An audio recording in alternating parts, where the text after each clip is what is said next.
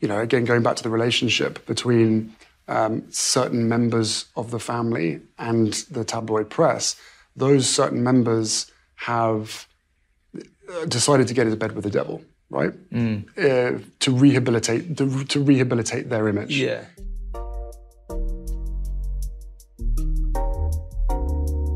Welkom bij Culturele Bagage, de wekelijkse podcast van de Volkskrant waarin we je bijpraten over nieuwe series, films, boeken en andere popculturele verschijnselen die het maatschappelijk debat bepalen en jouw blik op de wereld kunnen veranderen.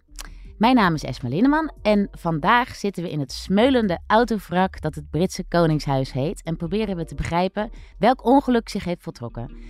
Waarom kiezen Harry en Meghan zo voor de publiciteit? En waarom schreef Harry deze tell-all memoir waarin hij niemand spaart? Wat zal dit betekenen voor de verhoudingen tussen hem, zijn vader en zijn broer? En wat moeten we hier allemaal van denken? Daar gaan we het over hebben, over deze hele grote moeilijke vragen. En ehm, vooral over de vraag eigenlijk van... hoe moeten we ons nou verhouden tot dit rebellerende stel? Zijn we Harryites of Williamites? En heeft iedereen misschien wel bloed aan zijn handen in dit koninklijke drama? Nou, daarover praat ik vandaag met uh, freelance journalist en koningshuishobbyist Haroon Ali. Zo, Haroon. Hallo. Hallo, en met adjunct hoofdredacteur Chris Buur.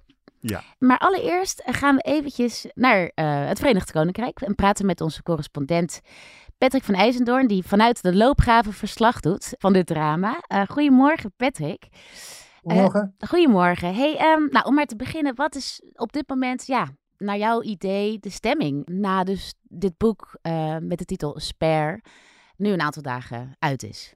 Nou, er is enige verbazing over wat uh, Harry uh, bezielt in deze oorlog die voert tegen zijn familie. Het is een vrij opzienbarend gebeuren momenteel. En het is de vraag wat hem dus wat drijft. En afgezien van financieel gewin waarschijnlijk, lijkt een beetje op een soort van groot therapeutisch boek te zijn. Dus dat hij alle demonen van, van vroeger probeert te verdrijven. Dat is een beetje het vermoeden wat hem bezielt momenteel. Harry. Ja. En jij hebt het boek ook gelezen en schrijft er ook Deels. een stuk over, deels. Wat, wat is jouw indruk? Is dat ook jouw indruk? Dat het een soort ja, therapeutische um, ja, bezigheid is geweest? Een catharsis? Een boek met veel rancune, het is heel raar geschreven, allemaal hele korte zinnen en woorden, bijna, bijna therapeutisch van aard. Uh, het valt op dat iedereen is hier ongeveer de schuldige behalve Harry. Het is met name een aanval op de Engelse pers en op de, zijn familie. Het is ook vrij eenzijdig wat dat betreft. En het lijkt ook een beetje te zijn een soort van herhaling van wat zijn moeder deed 30 jaar geleden met haar verhaal, Diana. Dat is nog een, een, een soort van autobiografie, wordt door een ander geschreven. En hij voert zeg maar nog een beetje een oorlog uit, volgens mij ook namens zijn moeder tegen, tegen familie en tegen de, en tegen de pers. Patrick, dit begon natuurlijk niet bij dit boek. Er is een Netflix-documentaire geweest, ja. er is een Oprah-interview geweest. Hoe zie jij de toekomst nu voor je? Uh, wat denk jij wat er de komende tijd gaat gebeuren als je een verwachting zou moeten uitspreken over de familieverhoudingen en, nou ja, wat, wat het lot van Harry en Meghan zal zijn. Het, uh, ja, hij spreekt over uh, de hoop op, op hereniging en op vrede, maar dat lijkt mij zeer uh, optimistisch. Hij heeft echt alle schepen daar als zich verbrand. En de familie is heel stil momenteel. De koninklijke familie die reageert niet op deze aantijgingen. Maar bijvoorbeeld, we krijgen over vier, vijf maanden hebben we hier de kroning van Charles, zijn vader hij zal waarschijnlijk wel een invitatie krijgen, maar de verwachting is dat hij een reden vindt om die af te wijzen. En ook de hoop, want uh, men wil geen Harry hebben, helemaal geen Meghan tijdens de kroning, omdat alle aandacht naar hun gaat, niet, niet naar, naar, naar, de koning. Ja.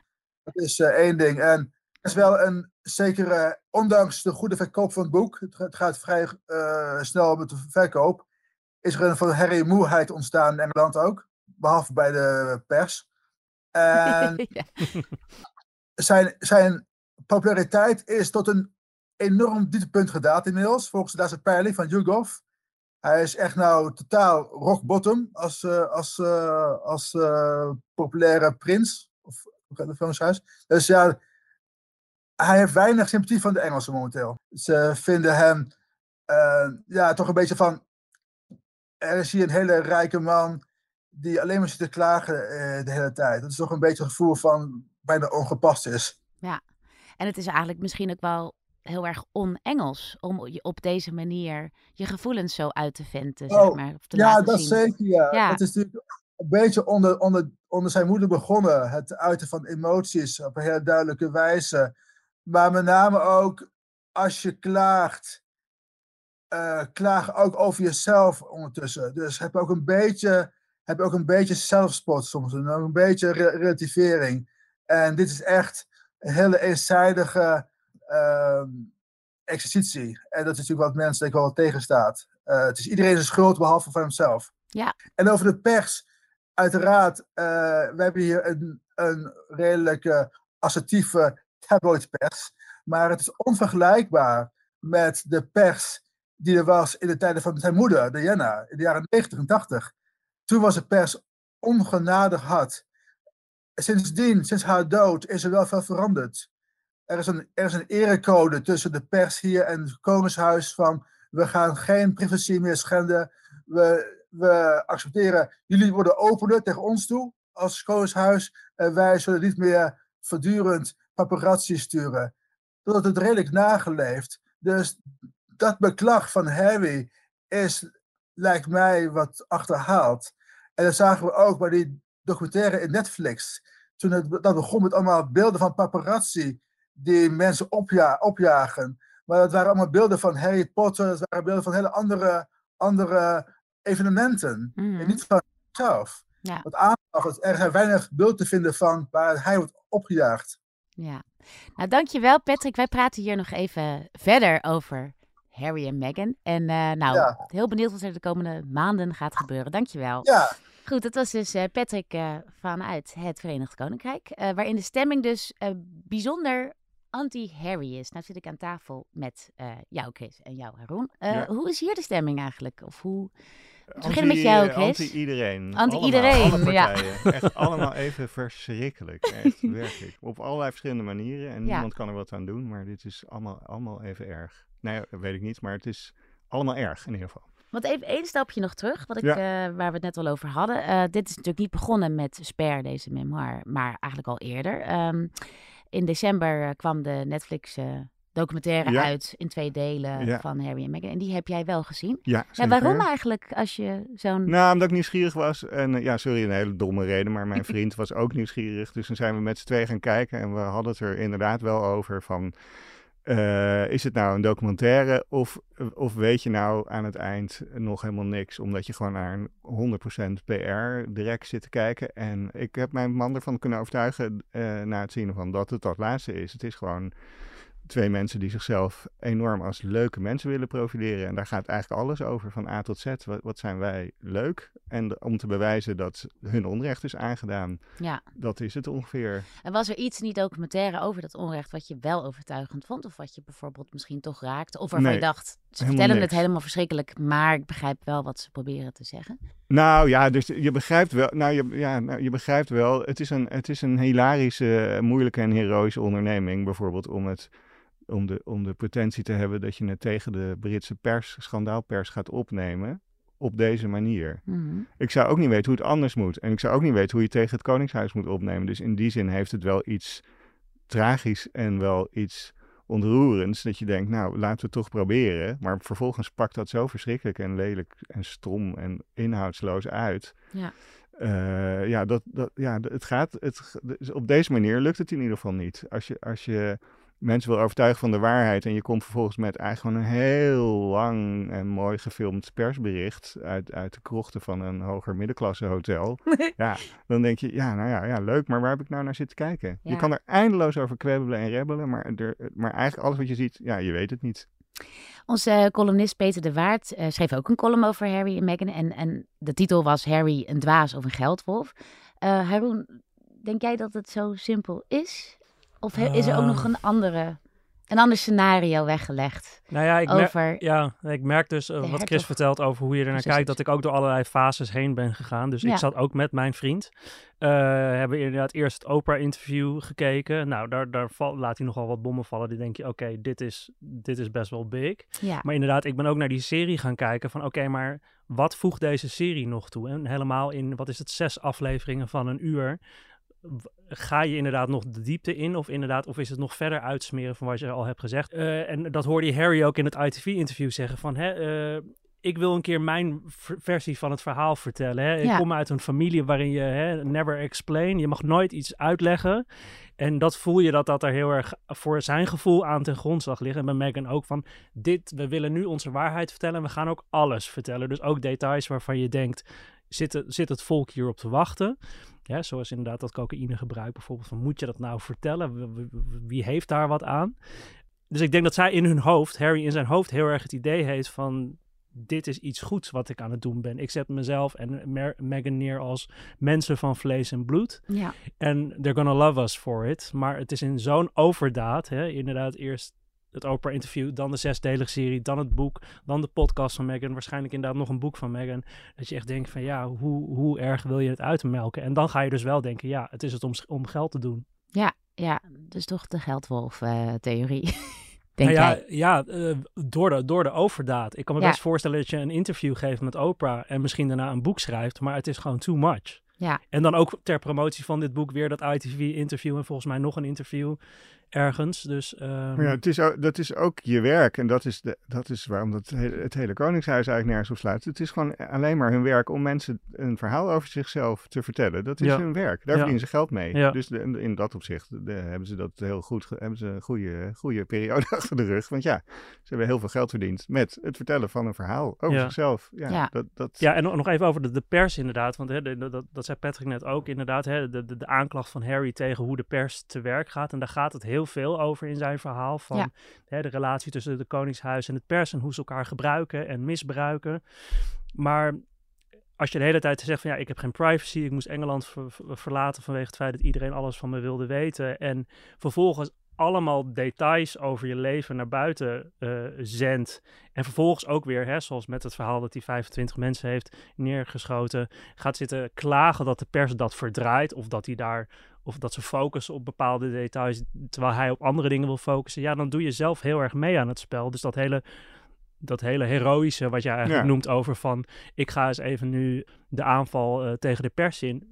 Ja, dat slaat een beetje dood als je zelf die pers de hele tijd blijft opzoeken. Ja. Ja, ik ben het daar dus geloof ik toch niet mee eens. Ja, oké. Eh, omdat ik denk dat het, het gaat ook heel erg over parasociale relaties. Dus zeg maar, hoe verhoud je je tot de pers, maar ook tot je fans. En wat je gewoon ziet, wat bijvoorbeeld iemand als Elizabeth Taylor deed, die de hele tijd achtervolgd werd door de pers.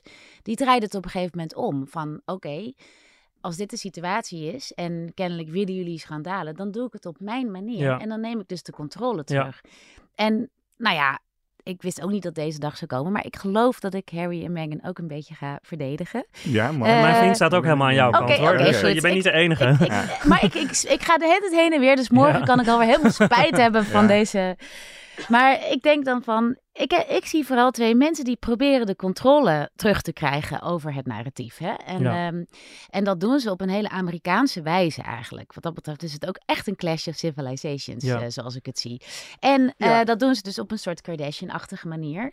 Dus door zelf volledig de regie eh, te pakken. En, en een media-imperium te worden. Want het is natuurlijk Dat een, een, een eerste stap in een heel Ja. groot Ja, ze gaan nog Nou, veel meer dingen voor Netflix doen, geloof ik. Zeker, nee, dat zie ik ook wel. En ik denk dat geld zeker ook een, een, een, rol kan spelen. Maar ik denk ook dat, dat die, zeker bij Harry, de zoektocht naar een vorm van catharsis, dat die, die voel ik ook wel eigenlijk. En ja, diezelfde pers, ehm, eventjes grof gezegd, heeft zijn moeder vermoord, om maar zo te zeggen. Ja. Ja, Eh, misschien en is het wel goed om ja. even onderscheid te maken tussen pers en pers hier trouwens. Want, Zeker, want het want wij gaat hier zijn wel over pers. de roddelpers, Ja. wat Ja. echt wel een verschil is. Ja, Eh, Eh, en ja. dat is natuurlijk ook onderdeel van, ja, daar moet je natuurlijk niet, dat is een monster en dat moet je misschien niet voeren, of juist wel op deze manier. Maar eh, dat is iets anders dan journalistiek. Ja. Ik weet niet precies wat ik hiermee wil zeggen. nou maar, dat wij een kwaliteitskant zijn met een kwalitatieve podcast. absoluut, dat om te beginnen. En toch rebbelen we hier ook weer eindeloos over. Dus het is allemaal, het is toch een beetje alsof we vanuit het vliegtuig zeggen dat iedereen vliegschaamte moet hebben. Maar goed, uh, ik ga door. Ik,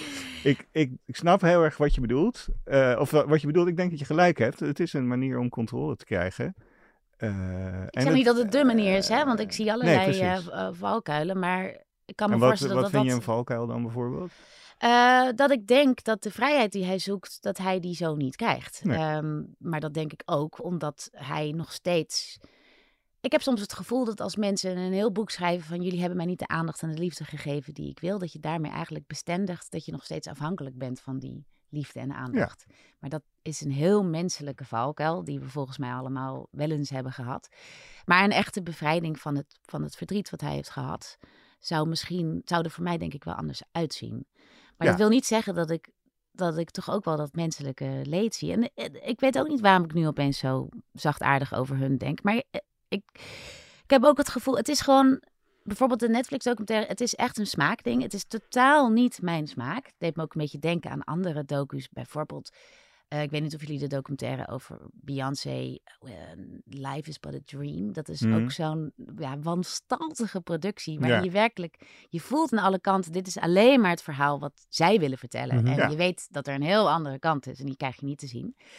Eh, dat is een smaakding. Dat maakt mensen nog niet meteen ja, eh, dat alles wat ze zeggen bijvoorbeeld niet waar is. Of dat ze alleen maar dan onsympathiek zijn. Het, dat, daar zit bijvoorbeeld ook een Ja, Nee, Netflix-productie hele, achter. maar de hele, op, de hele opzet is gewoon verkeerd. Eh, Ja, dat, is, dat dat begrijp is ik, ja, Eh, ja. Maar, en, ja. ja, en, en, dus Ja. zit je naar, en dus zit je naar, naar en gewoon glitzy nep te kijken. Als een soort grote Trump Tower van, van niksigheid. Want het Maar een argument allemaal- voor nog wel is dat, dat, dat, dat ze natuurlijk wel allebei verschrikkelijk charmant zijn. Harry en Meghan. Het Ja. zijn leuke mensen om naar te kijken. Ze, ze zijn oprecht soort van charmant grappig. Ik merk ook dat zelfs ik die toch wel kritisch ben op de monarchie in zijn al- algemeenheid, toch wel de hele tijd wel in, door ze mee wordt gesleurd, zeg maar. Ja, Ik vind hun relatie ook soort van heel leuk om naar te kijken op de een of andere manier. Terwijl ik er tegen probeer te vechten. En het feit dat hij natuurlijk de zoon is van Diana. En ook heel erg soort van op haar lijkt. Alle goede genen van haar ja. heeft geërfd. Absoluut. Maakt ook dat je kijkt ook naar hem als de zoon van Diana. Ja. Bijna soort van als. eh, ehm, zij, zij had het hele koningshuis tegen ze. Tegen haar. En hij heeft dat ook weer. Dus je ziet die link ook. Dat buit hij natuurlijk ook weer een beetje uit. Dat, Eh, ehm, maar de, gevoelsmatig merk ik wel dat dat Harry bij mij oproept. Precies, Eh, want dat is ook... Terwijl je William denkt, oh, dat is een kloon van zijn vader. Ja, ik heb daar ook een fragment eh, van, want hij vertelt daarover in een interview met Steve Colbert. En die vraagt hem eigenlijk ook van wat die link nou precies is. En of hij inmiddels ehm, over de zogenoemde muur heen kan kijken. De muur bedoelt Harry dan, eh, is de muur die hij heeft opgetrokken na de dood van zijn moeder. I would say that I haven't necessarily kicked it down, but I've managed to reach to the top and start removing bricks as opposed to poking one through and having a look and poking another one through. The wall has reduced in size. That is partly through writing a book, partly through therapy. But again, I'm, I imagine it is so relatable for so many people because, from as far as I'm concerned, with all the work that I've done on myself, but also the stories that I've heard from so many people, not just veterans, that I'm convinced that 99.9% of people on planet Earth are walking around with some form of unresolved grief, trauma, or loss. Hij praat hier dus eigenlijk over zijn, over zijn trauma en over dat, dat dat eigenlijk ook heel hard bij hem binnenkwam toen hij dus zelf op een leeftijd was waarin zijn moeder overleed. En hij zegt dus van dat hij denkt dat zijn verhaal ook resoneert bij andere mensen. Dat het eigenlijk Ja. een soort universeel verhaal is van omgaan met je trauma. Wat vind jij van dat stukje, Roen? Of wat vind jij daarvan? Nou ja, ik, ik herken het een beetje omdat ik heb zelf een boek geschreven over mijn eigen familie. eh, En ik vat het altijd samen. Ik ben een homoseksuele Pakistaans-Nederlandse ex-moslim. Dus het gaat heel erg over mijn familie, culturele verwarring, opgroeien tussen twee culturen in het Westen. En eh, dat gaat ook over mijn vader, mijn moeder en mijn zus. En ik, ik heb daar 2,5 jaar over gedaan. Juist omdat ik die goede balans wilde vinden tussen de contextschetsen waarin ik ben opgegroeid. En waar ik heel veel hinder aan heb ondervonden. En ik heb in die, twee, die 2,5 jaar zie ik ook echt als een soort van therapie. Heb ik misschien meer aan gehad dan echte therapie.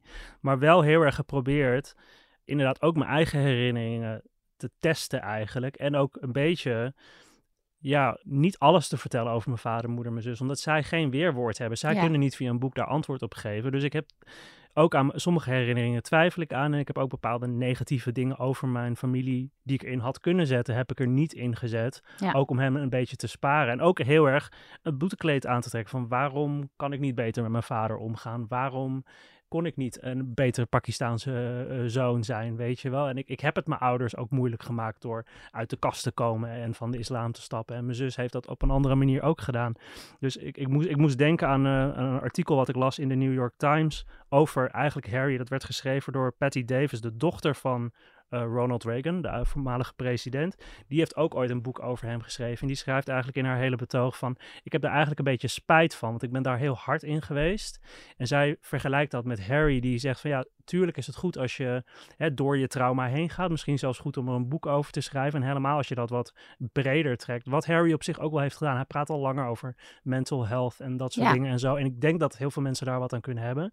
Maar ja, wees wel een beetje spaarzaam misschien in wat je aan details over je familie naar buiten gooit. Want, Want eh, zij zegt ook in dat stuk toch van, lees mijn boek nu niet meer. Eh, Precies, lees andere ja. boeken van mij. Dat vond ja, ik en ik sta wel sympathiek. bijvoorbeeld heel erg achter mijn eigen boek, omdat ik daar heel erg op he- heb gelet van, ik wil ze niet voor de bus gooien, weet Ja, je wel. Zij hebben ook allemaal hun eigen strijd gehad en hun eigen moeilijkheden. En ik wil inderdaad jaren later nog steeds kunnen zeggen van, nou, dit is een, een goed tijdsdocument geweest, maar ja, ze niet eh, onnodig kwetsen. En ik denk dat Harry dat wel doet, helemaal weten dat het Koningshuis nergens op gaat reageren, omdat ze dat niet doen. Ja, En als je dan blijft zeggen van, ja, ik hoop wel op eh, verzoening en toenadering, maar als je dit allemaal naar buiten gooit, dat is Eh, vaak niet de weg eh, van als je gaat zeggen verzoening. dat je hè? broer je in Ja. elkaar heeft Mhm. geslagen Ja. als je te- tegen de vrouw van je vader ingaat. Ja. Eh, hij, hij maakt ook, weet, dat vond ik ook zo interessant. Hij hè, gaat de aanval in naar Camilla, maar, maar vervolgens zegt hij, ja, ze, ze accepteerde mijn vrouw niet. Dus nu doet hij Ja. ook wel een beetje hetzelfde. Eh, het is een beetje iets andere dynamiek, maar ja, ik denk dit, dit gaat op. Ja, misschien is het goed voor zijn eigen traumaverwerking dat hij alles eruit gooit. Mm. Maar die verzoening die hij uiteindelijk hoopt te hebben met, met zijn familie en het Koningshuis, dat gaat niet op deze manier lukken, denk ik. Nee, is dat ook jouw sombere prognose, Chris? Het kan me niks schelen. Nee, Nee, I know. En maar dat is je ook kijkt naar helemaal je goed Je kijkt naar een Ja. verhaal. Je kijkt naar verhaal A, naar verhaal B, zonder ook... wa- wa- Want wat mij, het is mij niet, bijvoorbeeld niet helemaal duidelijk wat voor interessants eh, Harry over zijn trauma heeft verteld. Het enige wat je de hele tijd hoort is dat hij alles wat hij vertelt, wil hij een rolmodel zijn. Geldt ook voor Meghan. Ze willen de hele tijd met alles wat ze meemaken, ja, ik hoop dat andere mensen hier ook wat van hebben. Meghan's idee van het hervormen van het Koningshuis was, dan ben ik daar als eerste zwarte persoon, zodat andere meisjes die zwart zijn ook kunnen denken, dit kan ik ook bereiken. Ja, wat? Eh, Har- Harry zegt dat hij 25 Taliban-strijders heeft doodgemaakt. Eh, daar kreeg hij veel kritiek op, want dat gaat tegen een soort erecode Ja. in. Bleek ook weer een beetje uit zijn verband gerukt. Dus op zich is het Behoorlijk, een beetje flauw zelf, maar goed. dat hij daarop wordt aangevallen. Want maar zijn wat was het conclusie verband? is... Even voor de luisteraars. Wat was het verband zoals hij dat eh Hij wilde, nou ja, daar kom, Ja. komt hij dus weer op hetzelfde uit. Van ja, ik wil eigenlijk lijkt me heel goed voor alle ve- veterans hier. En, en, en- want dat vertelde hij bij Stephen Colbert. Ja. En zijn er ook veterans in de zaal? Er zijn ook veterans in de zaal. Ja, het gaat erom er uiteindelijk weer om van ja, dat ik dit dan deel. Eh, ja, dan hoop ik eigenlijk dat andere eh, veterans zich ook niet schamen dat ze mensen hebben vermoord. Kortom, het gaat allemaal over, ik heb geweldige dingen meegemaakt en, en misschien hebben andere mensen hier wat aan, maar het is allemaal een beetje lege ijdeltuiterij. En, en je hoort nul keer, en helemaal niet in die strekkende meters Harry en Meghan documentaire, je hoort nul keer een interessant inzicht of wat hij nou precies met zijn trauma heeft gedaan of hoe, hoe het nou precies moeilijk was en wat voor conclusie je eraan kan vertrekken. Kortom, je hoort, het gaat nergens over behalve dat eh, royals eh, zoals hij of ex-royals en celebrities, die hebben ook iets meegemaakt. En dan op de allermooiste designerachtige manier hebben zij dat meegemaakt. Want ja, het zal maar je moeder zijn, eh, Diana, weet je wel. Dus het, allemaal, het heeft zich allemaal voor de ogen van de camera afgespeeld. En dan is de conclusie, ja, ik heb ook iemand verloren. En ik heb ook zulke erge dingen meegemaakt. Door dit te vertellen hoop ik dat andere mensen zich daarin herkennen.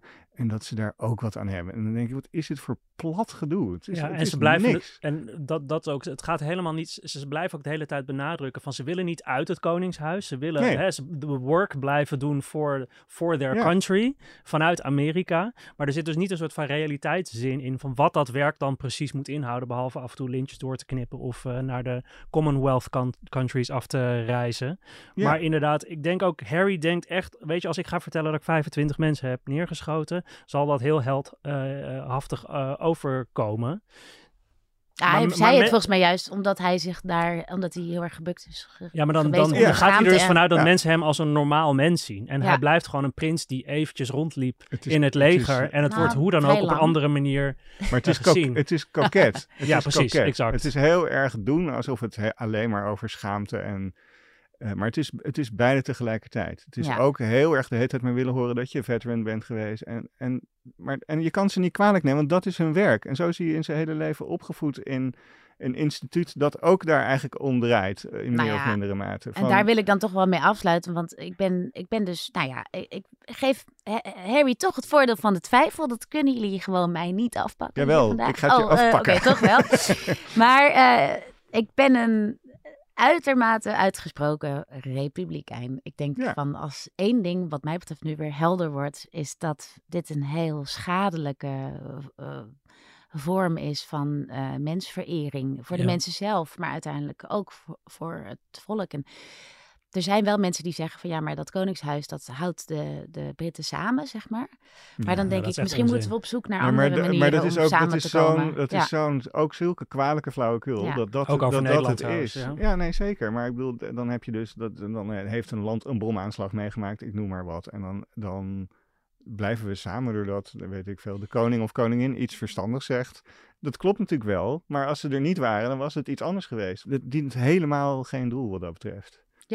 Nou, maar bijvoorbeeld eh, in vergelijking met Amerika, eh, waar, je, waar dus de verering eigenlijk naar de president uitgaat, zie je dus dat als er dus een Trump aan de macht komt, dat er dus een, een totale polarisatie in de samenleving is. En je zou dan kunnen zeggen, in Groot-Brittannië heb je nog altijd dat koningshuis, wat daar dan weer boven staat, waar mensen hun collectieve identiteit aan kunnen ontlenen. Eh, ik, ik noem nu even de argumenten zoals die worden Ja, ja, genoemd nee, dat door... is uh, mensen die gematigder zijn. Allemaal prachtig, maar ik geloof dat niet zo. Ja, ik bedoel, ja, er, er, De er brand zijn, erin. Er, Ja, zijn andere, er zijn andere systemen die Ja. ook heel kut zijn, dat is zo. Eh. Maar, maar dat, dat maakt dit, eh, dit, dit werkt op zo'n veel manieren gewoon niet goed. En het bevestigt zo'n ouderwets sprookje van klasse en dat klasse ertoe doet en dat eh, jij net wat beter bent dan ik en dat er iets interessants zit in het kennen van allerlei codes. En het is verschrikkelijk. Het, het is, eh, het is, je kan er net zo goed zonder. Behalve dat ik ook denk, en dat schreef dus Hilary Mantel, wat ik een heel leuk stuk vond, waar Harry trouwens weer heel kwaad over was.